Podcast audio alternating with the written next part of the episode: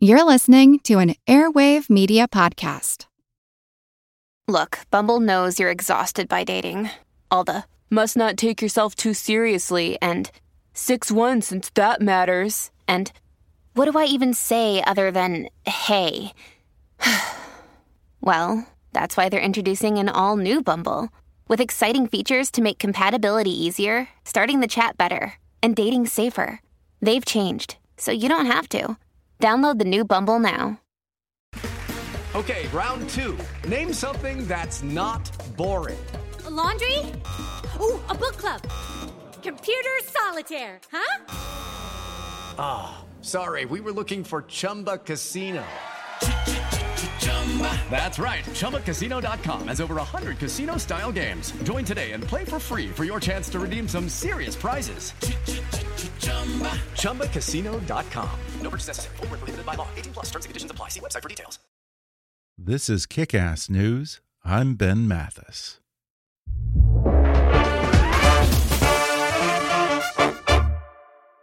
The 2020 presidential race is going to be the most high stakes election in at least a generation, and it all starts in Iowa. Spotify presents Uncommitted Iowa 2020, an original podcast from Vice News. Join host Antonia Hilton and Vice News reporters as they break down all the Iowa caucuses. Listen to Uncommitted Iowa 2020 every Tuesday, free on Spotify. See Hollywood's biggest stars, Leonardo DiCaprio, Brad Pitt, and Margot Robbie, in Quentin Tarantino's Once Upon a Time in Hollywood. Time magazine says DiCaprio and Pitt are marvelous together. Now, with over 20 minutes of additional scenes and exclusive access to the set. Once Upon a Time in Hollywood. Watch it now on digital. Rated R. Hi, I'm Ben Mathis. Welcome to Kick Ass News. In 2003, Mikhail Khodorkovsky was believed to be the wealthiest man in Russia, with a fortune estimated to be worth $15 billion and ranked 16th on Forbes' list of billionaires. But then his life drastically changed when he was arrested by Russian authorities that same year and sentenced to nine years in prison. What had he done wrong? According to the official charges, the oil mogul had, quote, created an organized group of individuals with the intention of taking control of the shares in Russian companies during the privatization process through deceit. Others would say that Khodorkovsky broke an unspoken rule between Russia's oligarchs and Russian President Vladimir Putin. As long as they stayed out of politics, they could continue to operate with impunity. But anyone who dared to challenge Putin stood to lose everything, including his freedom and even his life. Today, Mikhail Khodorkovsky lives in London, where he continues to speak out against the corruption and political oppression of Vladimir Putin's Russia, and now he's the subject of a fascinating new documentary by Oscar and Emmy winning filmmaker Alex Gibney titled Citizen K. And today, Alex Gibney joins me on the podcast to talk about the parallel rise of Mikhail Khodorkovsky and Vladimir Putin amid the chaos of post Soviet Russia, how Khodorkovsky was able to privatize state run entities for pennies on the dollar, and how Putin went from a mid level apparatchik in the Kremlin to Prime Minister of Russia within three years. He discusses the public showdown between these two men that put Khodorkovsky on Putin's enemies list why Khodorkovsky refused to flee before he was arrested, and the personal transformation he underwent during his decade in a remote Russian prison. Alex shares how Khodorkovsky got out of prison and escaped Russia with $500 million in the bank, how the expatriate is now waging a political war against Vladimir Putin from London, and whether he worries that he might become another in the growing body count of Putin's enemies. Plus, Alex reveals what Mikhail Khodorkovsky knows about Russia's interference in the 2016 U.S. election, why Vladimir Putin employs a cast of actors to make himself look good, and what Khodorkovsky believes is Putin's greatest nightmare. Coming up with documentary filmmaker Alex Gibney in just a moment.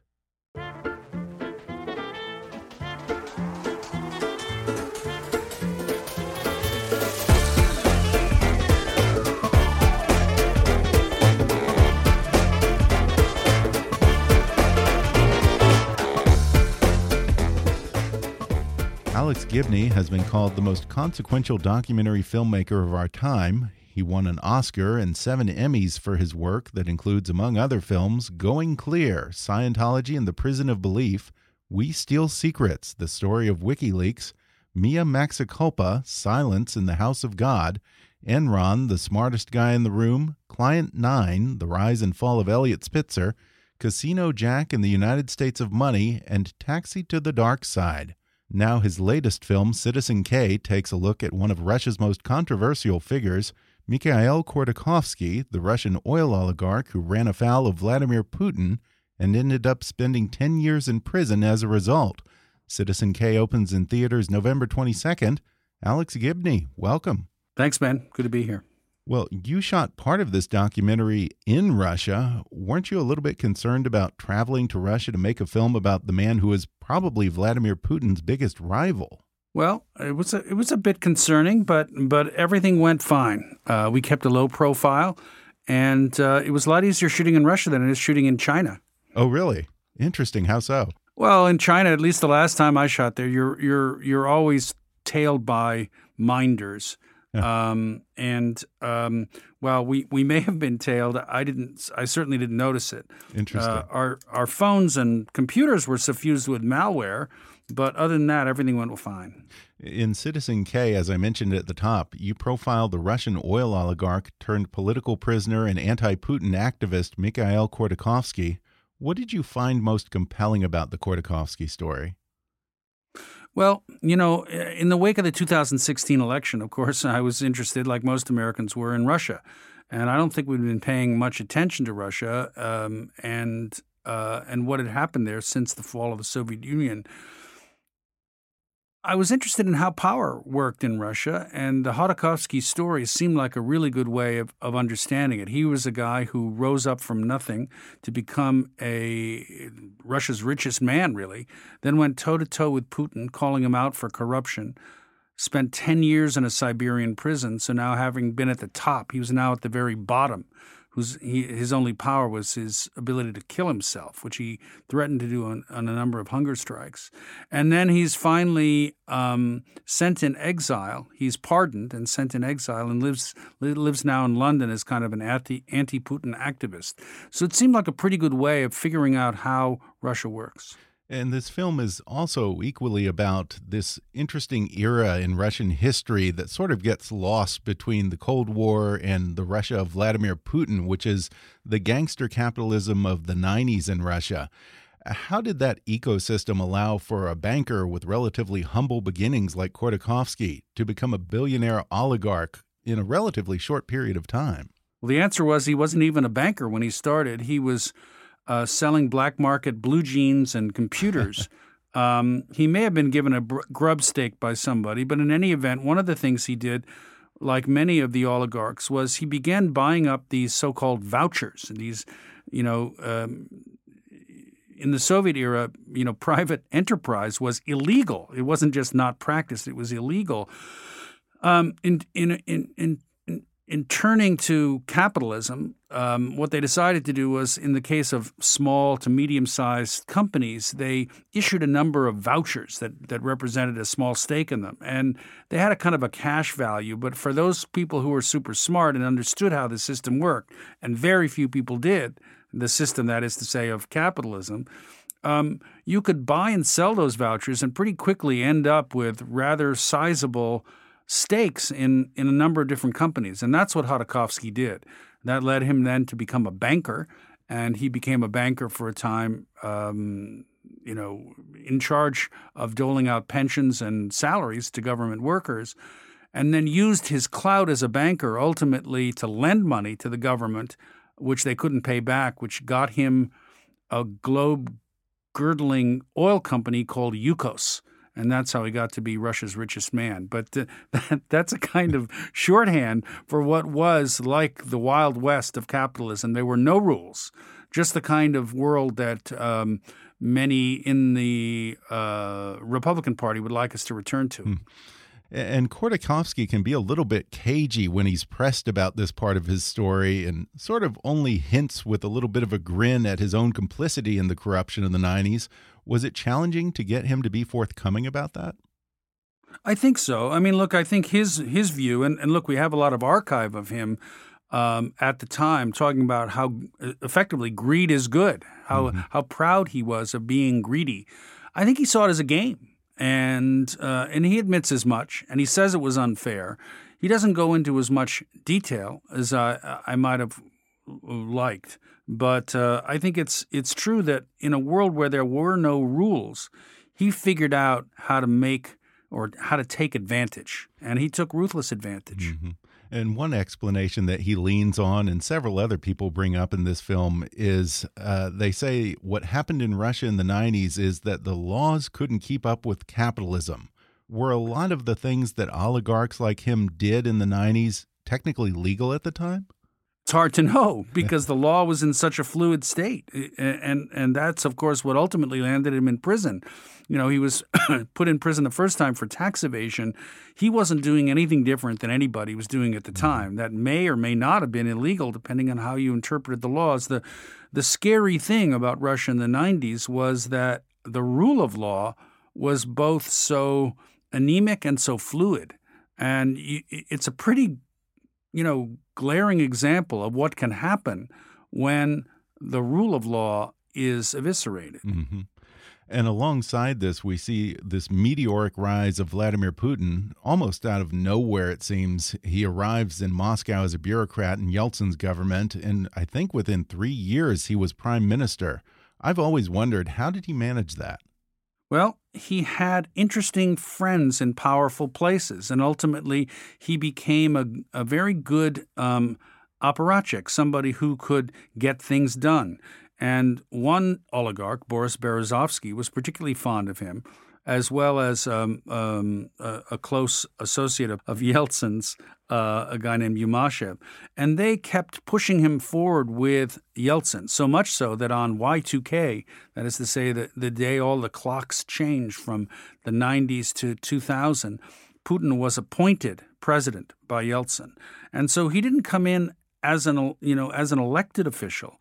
He was appointed to the position, um, which is interesting uh, he was not really a politician, except in the sense that he had um, the skill of an actor that he was able to amass, having been a spy, because he had been in the KGB and then the FSB. Um, but also, once he got into power, he understood very quickly how to manipulate crises to his advantage and also ultimately how to take over uh, the means of communication, and particularly the two major networks, mm-hmm. that literally made him into a kind of Bond like superhero. So it was a really instructive um, rise to power that's not unlike, in, in some ways, um, our current president in the United States. Right. And, and, there is this subplot of the film how you demonstrate how he uh, consolidated control over the media and particularly television.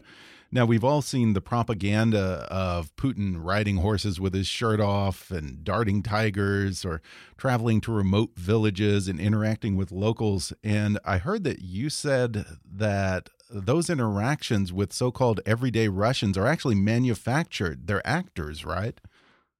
Well, this is something that's not in the film, but something I learned since then. And I'm told, though I haven't confirmed, though others tell me it, it's accurate, is that when he does these sort of, um, you know, uh, vox pop moments where he, he, he goes by the side of the road and gets an ice cream cone. that if you do face recognition software, the people he interacts with are basically the same 10 people who are being sent around the country to play various roles. Oh, this week I want to be the ice cream guy. No, no, no, I want to be the banker this time. That kind of thing. Now, when do Putin and Khodorkovsky's worlds begin to intersect? Well, um, very quickly. I mean, Putin um, is appointed as president in 2000, uh, literally as the clocks tick into the next um, century. And uh, at the time, Khodorkovsky was one of Russia's richest men. He he not only um, had been running a bank, but now was running, you know, Russia's biggest oil company. So they were immediately going to come into contact. Over, and it seemed like, uh, you know, Khodorkovsky himself says he thought, oh, geez, Putin is a reformer. He's a younger guy, a new generation. Things are going to work out great. Uh, that turned out not to be right. And there was a famous televised forum on corruption in 2003. And in that forum, Khodorkovsky literally called out Putin and accused him of corruption. Um, a few months later, Khodorkovsky was in a Siberian prison. Eh, I think what he was calling him out over was another company's purchase of a, a Russian oil company. I think in a sort of a, a no bid contract type of deal. Is it fair to say that initially, at least, Khodorkovsky was really only interested in fighting corruption to the extent that it adversely affected his own business? Well, I think that's right. And I think, I mean, it was to his advantage also in another way, which is he was interested in possibly merging with ExxonMobil. And to that end, suddenly it became enormously advantageous to him to engage in more transparent business practices so that he could actually engage in contracts with big business in the West. So I think it was uh, in his interest for a number of reasons. Possibly you know, in order to vitiate rivals, and but but certainly to be able to pursue a very big deal with ExxonMobil, which Putin did not want done for a number of reasons. One is oil was considered very much of a um, national energy source that want that Putin wanted to maintain Russian control over, and two, the idea of bringing in transparent um, business methods to what had been a sort of gangster capitalist model was not something ultimately that was in his long term interest. That mm -hmm. is to mm-hmm. say, Putin's long term interest. Now, after that televised showdown between Putin and Khodorkovsky, one can imagine that he probably had a good sense that the heat was on and knew that he was likely to be arrested at some point. Why didn't he just take the money and flee the country? Why did he stay? That's the $100 million question. Uh, I asked him that question, and he said, you know, he had a company to protect and he wasn't going to give up his dignity and he wasn't going to back down. Because there were a number of indicators pretty strong indicators that he was going to be arrested. A number of people a number of executives in his company were arrested before him. Um, and so it was clear that that things were closing in. I think there was a certain amount of arrogance to it. You know he had uh, amassed, he, Khodorkovsky, had amassed a, lot of influence in the Russian Duma, the representative body in Russia. Um, and he was a very powerful businessman. I think he, he, he perhaps he thought he could face down Putin, or if Putin was going to put him in prison, maybe he'd only have to do a year or two. Uh, but I think that um, you know it was it was a combination of hubris and also determination not to be pushed around mm-hmm. by Putin. And how bad was the prison where he was sent for ten years? It wasn't good. I mean, you know, it was it was it was very far away. You know, when his family wanted to visit him, it took them five days to get there. It, it, it's sort of where uh, China and Mongolia and Russia all meet, and it's uh, just a few miles from Russia's one of Russia's big uranium mines. Um, you know, there was a lot of hash dealers there. It, it was it was uh, it was not a friendly sort of white collar prison. It was it was a tough place, and it, it, in fact, in the middle of the night, one night, somebody tried to take out Khodorkovsky's eye with a shiv. Wow! So it was a, it was a tough place. Yeah, and at one point he starts using hunger strikes to protest. How did he come to that?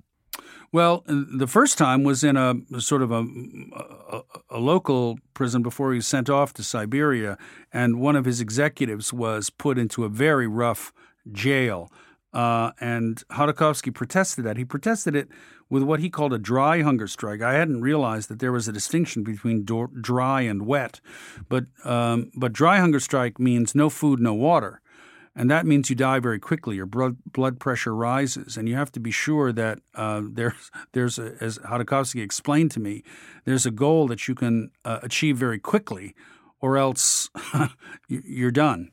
And I asked him in a sort of joking manner, so, you know, did you succeed in getting uh, your friend uh, in, in, in, better conditions? And uh, he looked with a kind of a smile that had a lot of steel behind it and said, uh, if I hadn't succeeded, I wouldn't be here, mm. i.e., I'd be dead. I wonder, is there any part of him that sort of accepts that you live by the sword and you die by the sword, regardless of the political motives behind his imprisonment? He was corrupt in the 90s and he did things that he probably shouldn't have and he got busted. Right. Well, and also there's a there's a more profound irony in the sense that you know the very thing that um, he decried was something that he benefited from, which is to say, a, kind of corrupt um, relationship between government and business. Mm-hmm. Um, so there's no doubt about that. Um, but I think that you know the Khodorkovsky story boils down to whether or not you believe that he learned something along the way and whether he thought, whether it was for his personal interest or not, that it was beneficial for Russia to change, to move to a world where there was less corruption, where there was greater uh, adherence to the rule of law. And uh, I think he was starting to believe that uh, when he was put into prison. But after a number of years in prison, I think he believed it very strongly. Um, and and so I do give him credit for a change. I think he did change, both as a human being and uh, and in terms of his outlook on how the political economy should be organized. Yeah, the film talks about this personal transformation that he underwent in prison, and uh, I think he says something along the lines of. I used to believe that life was about what you have, but he realized that life is about what you are. So you believe this change of heart was authentic, huh? Yeah, it's he. He said, "I, I, I didn't believe that I used to believe that life was, I realized that life is not about having, it's about being. Well, that's a very right. Zen like statement and, and very un oligarch like. It's hard to imagine, for example, if Donald Trump were to be put in prison, that he would come out saying something like that. Yeah. Um, you know, he also said, I'm far from an ideal man, but I have ideals. In that sense, I think he was coming to grips with his own um, failings and his own character flaws, but also um, invested in a more profound sense of what it means to be both a citizen and a human being. Mm -hmm. And there's another change that takes place while he's in prison. Initially, right after his conviction, most of the average Russians would have said, good, he was a corrupt oligarch and he belongs in prison. But gradually, public sentiment started to shift. What was the impetus for that? I think it was really the second trial. You know, when when Khodorkovsky was about to come to the end of his sentence, suddenly new charges were trumped up, and these were really ridiculous charges. In this case, having once accused Khodorkovsky of not paying taxes on selling his oil, they now um, accused him of having stolen all of his own oil. which seems rather nonsensical when you think that they had already charged him for selling it. Yeah. um, so um, everybody saw through that trial as a kind of a show trial where they brought out evidence of conspiracy. For example, was the company phone book. Um, so, in that context, suddenly they, you know, the the people of Russia saw a kind of enormous abuse of power and sense of injustice. And Khodorkovsky was the person who was then fighting back against that injustice. And I think they rallied around him, and, and popular sentiment turned very much in his direction, so much so that, that people started demonstrating on his behalf. I think he got 13 years in prison after that. Uh, but uh, things seemed to change around the time of the Sochi Olympics. He was released, I think, just before those Olympics. How did that happen? There was a lot of international pressure. I mean, Khodorkovsky, you know, spent a number of years writing from prison, being a very active dissident, and being a kind of, I mean, it, it seems a, a long distance from from from the ruthless oligarch, but a sort of like a Sakharov-like figure. Um, and that was creating a lot of problems for Putin internationally, where this, you know, very powerful public figure was constantly running down the regime. I think he felt in order to get some sort of uh, international buy-in to the Olympics, you know, it might be good to let him out. Now he let him out, you know, the same day as Pussy Riot, as if to say they're kind of the same. Uh, and Khodorkovsky himself didn't find out that he had been let out until he was watching the news on a prison television set. But I think it was international pressure, and particularly the Germans, Angela Merkel and her foreign minister, were, were very helpful in terms of um, pressuring Putin to release him. Now, all of his assets had been seized, and yet he's now living in London with, I think, about a half billion dollars in the bank. How did he find a way to keep some of his wealth?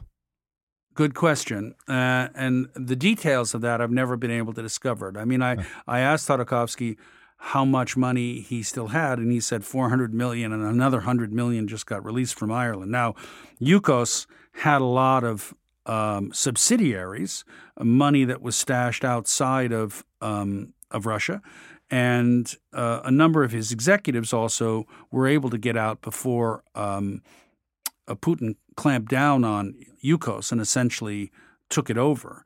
Uh, and, and, placing his own friend in, in charge of it. So there was money there, and it was money that Khodorkovsky managed to hang on to. Um, you know, even while he was in a Siberian prison. Uh, he's used some of that wealth now to found an activist group called Open Russia, which advocates for political reform in that country. How successful has Open Russia been thus far? I think it's been a mixed record. I, I, think, in terms of sort of on the ground agitation, it's not been that successful. Um, and you can kind of, I, I, sort of got an upfront uh, view of that when I was in Moscow, just sort of observing how they uh, organize themselves for rallies and so forth and so on. But I, I think, on the other hand, in terms of support for um, f- political figures who are trying to um, raise a ruckus uh, over the lack of democracy in Russia. He's having an impact. And I think he's also having an impact in terms of um, helping to uncover a lot of stories of uh, corruption uh, and malfeasance in Russia and promoting those in a way that um, sometimes uh, he takes credit for and sometimes just pops up quietly as um, um in the background evidence for big stories that are being written mm-hmm. by major news outlets or uh, TV um, networks. And he's also financially supported several opposition candidates who ran against Putin, knowing full well that none of them even remotely stood a chance. In his mind, if they can't win, what is the goal? I think the goal is to promote democratic values. Mm -hmm. I mean, you know, in Russia they call it election theater, and they call it election theater because it's really a fiction. Everybody knows who's going to win, and that is Vladimir Putin. But um, feels that if you promote the idea of elections, uh, even if you ruin your ballot and you go and vote, which is a kind of weirdly quixotic um, gesture, that still that's promoting something. You can't for, you can't give up on the idea of democracy. So it, it's a it's a weird uh, moment where you're, you know, Khodorkovsky is trying to promote democratic ideals even while admitting that um, the mechanism of democracy at the moment is completely broken. Mm -hmm. And it's easy to see why Russian voters don't take these candidates very seriously. I mean, they call it election theater for a reason. You show how some of the debates devolve into brawls with them yelling and throwing water at each other. That's right.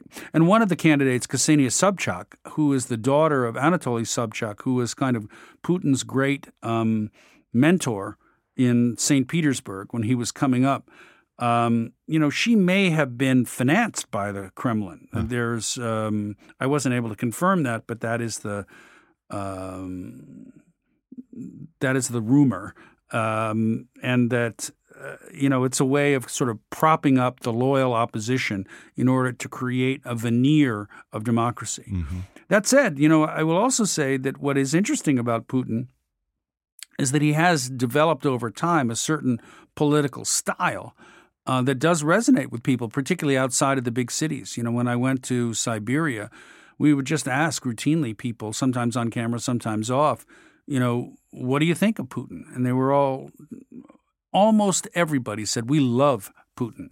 He's he's made Russia great again. Well, I mean, it's easy to do when all you hear is pro-Putin statements in the media that's controlled by that's Vladimir right. Putin. I mean, Khodorkovsky. let, us say it. Yeah. Let's say it plain. Khodorkovsky himself is not permitted on television. You're not permitted to show images of Khodorkovsky on television wow. unless it's um, of him being accused of uh, murder which is one of the charges they have now leveled against him. Right. And, and I want to ask you about Khodorkovsky's own political ambitions. The common narrative that we've heard was that there was this, sort of this deal between the oligarchs and Vladimir Putin that Putin would stay out of business and the businessmen would stay out of politics, and that Khodorkovsky sort of broke that rule and that he had ambitions to run for president against Vladimir Putin. Do you think that he was ever serious about running for president? At least in that earlier chapter in his life.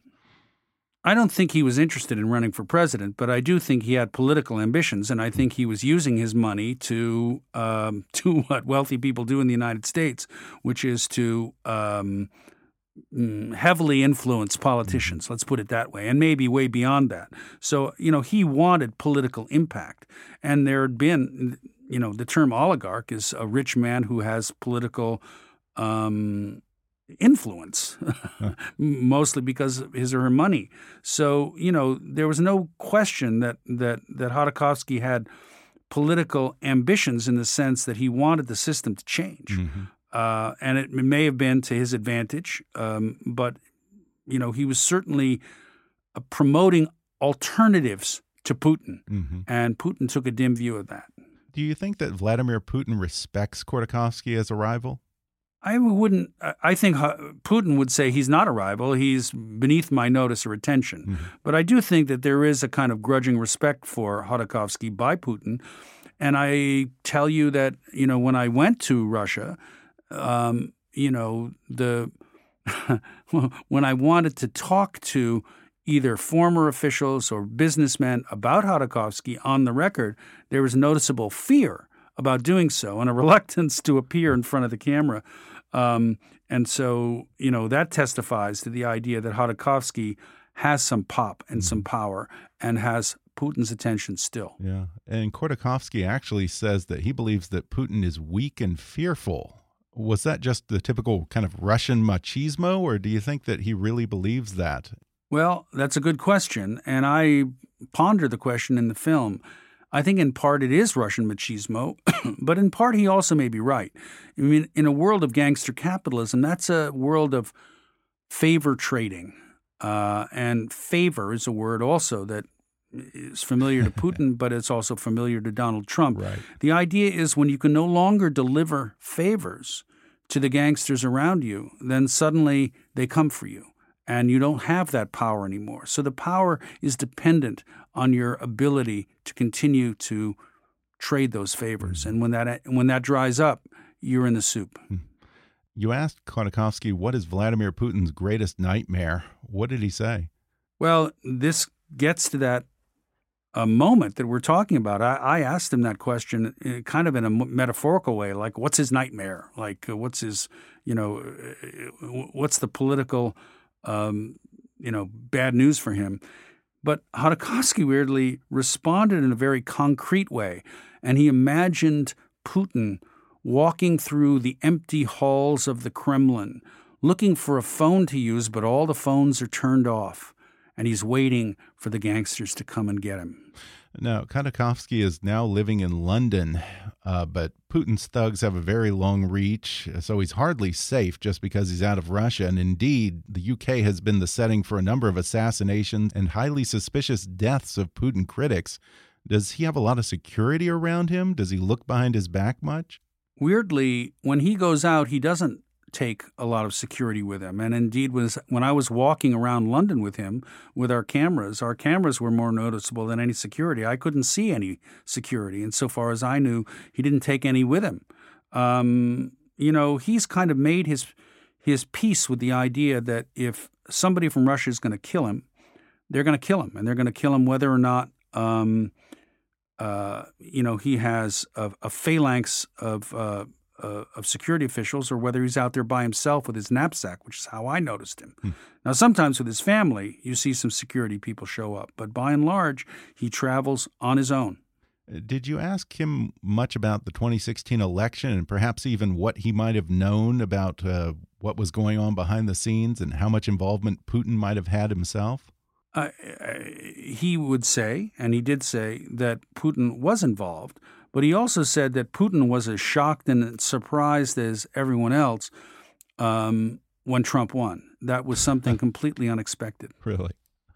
Uh, I wonder, do you think that you still would have made this movie if it hadn't been for Putin's interference in 2016 and so much attention being focused on Putin's Russia right now? I, I, I honestly think it was the uh, impetus for me to make the film. I mean, it mm-hmm. would, you know, that kind of reach into our political system. And the danger that uh, Putin's Russia poses as a kind of soft authoritarian model. Those were the two things that got me interested in making this movie. And while you talk about, like you just said, Putin as a soft authoritarian model and his influence in other countries around the world in that sense, uh, you don't bring up Trump in this film. Was that a conscious decision? It was very conscious not to mention the word Trump once. I wanted this film to be about Russia. That said, I think there are strong um, metaphorical echoes in this film, and this film functions as a kind of cautionary tale. Mm -hmm we could go in this direction if we're not careful. And I think the disrespect for the rule of law, the uh, extraordinary control over the media, um, and and also the attempt to kind of uh, create a post-truth universe in which power is the only thing that matters and truth can no longer speak to it. Those are all things that are very Trumpian. Now, I want to ask you a little bit about your process before we go. Uh, documentary filmmaking tends to be a reductive process. You end up with so much footage. How do you go about deciding what makes the cut and what doesn't with a film like this?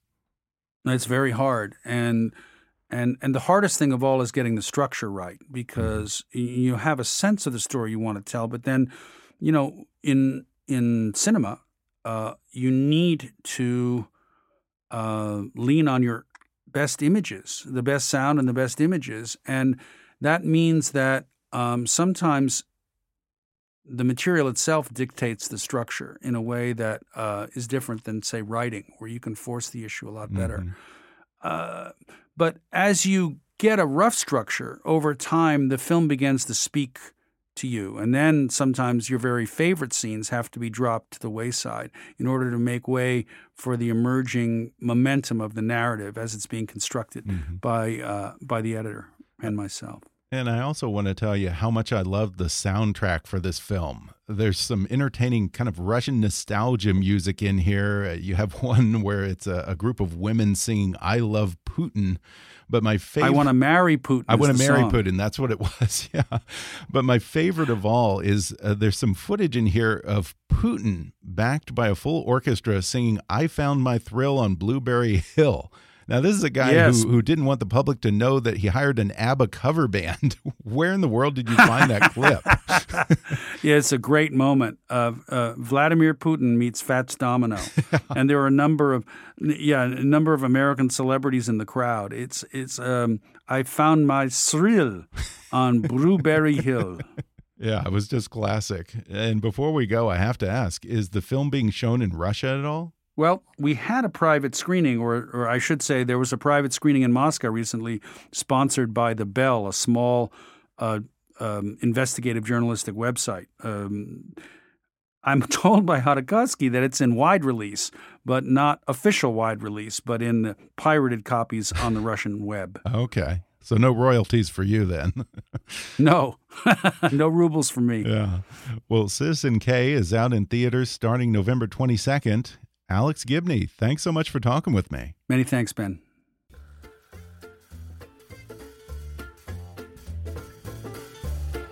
Thanks again to Alex Gibney for joining me on the show. His new documentary film, Citizen K, is now out in theaters. Check your local listings for showtimes and follow Alex on Twitter at, at Alex Gibney Film. If you enjoyed today's podcast, be sure to subscribe to us on Apple Podcasts and rate and review us while you're there. Five star ratings and detailed reviews are one of the best ways for new listeners to discover the show. You can also follow us on Facebook or on Twitter at, at KickassNewsPod and recommend us to your friends on your social media. For more fun stuff, visit kickassnews.com, and I welcome your comments, questions, and suggestions at comments at kickassnews.com. For now, I'm Ben Mathis, and thanks for listening to Kickass News.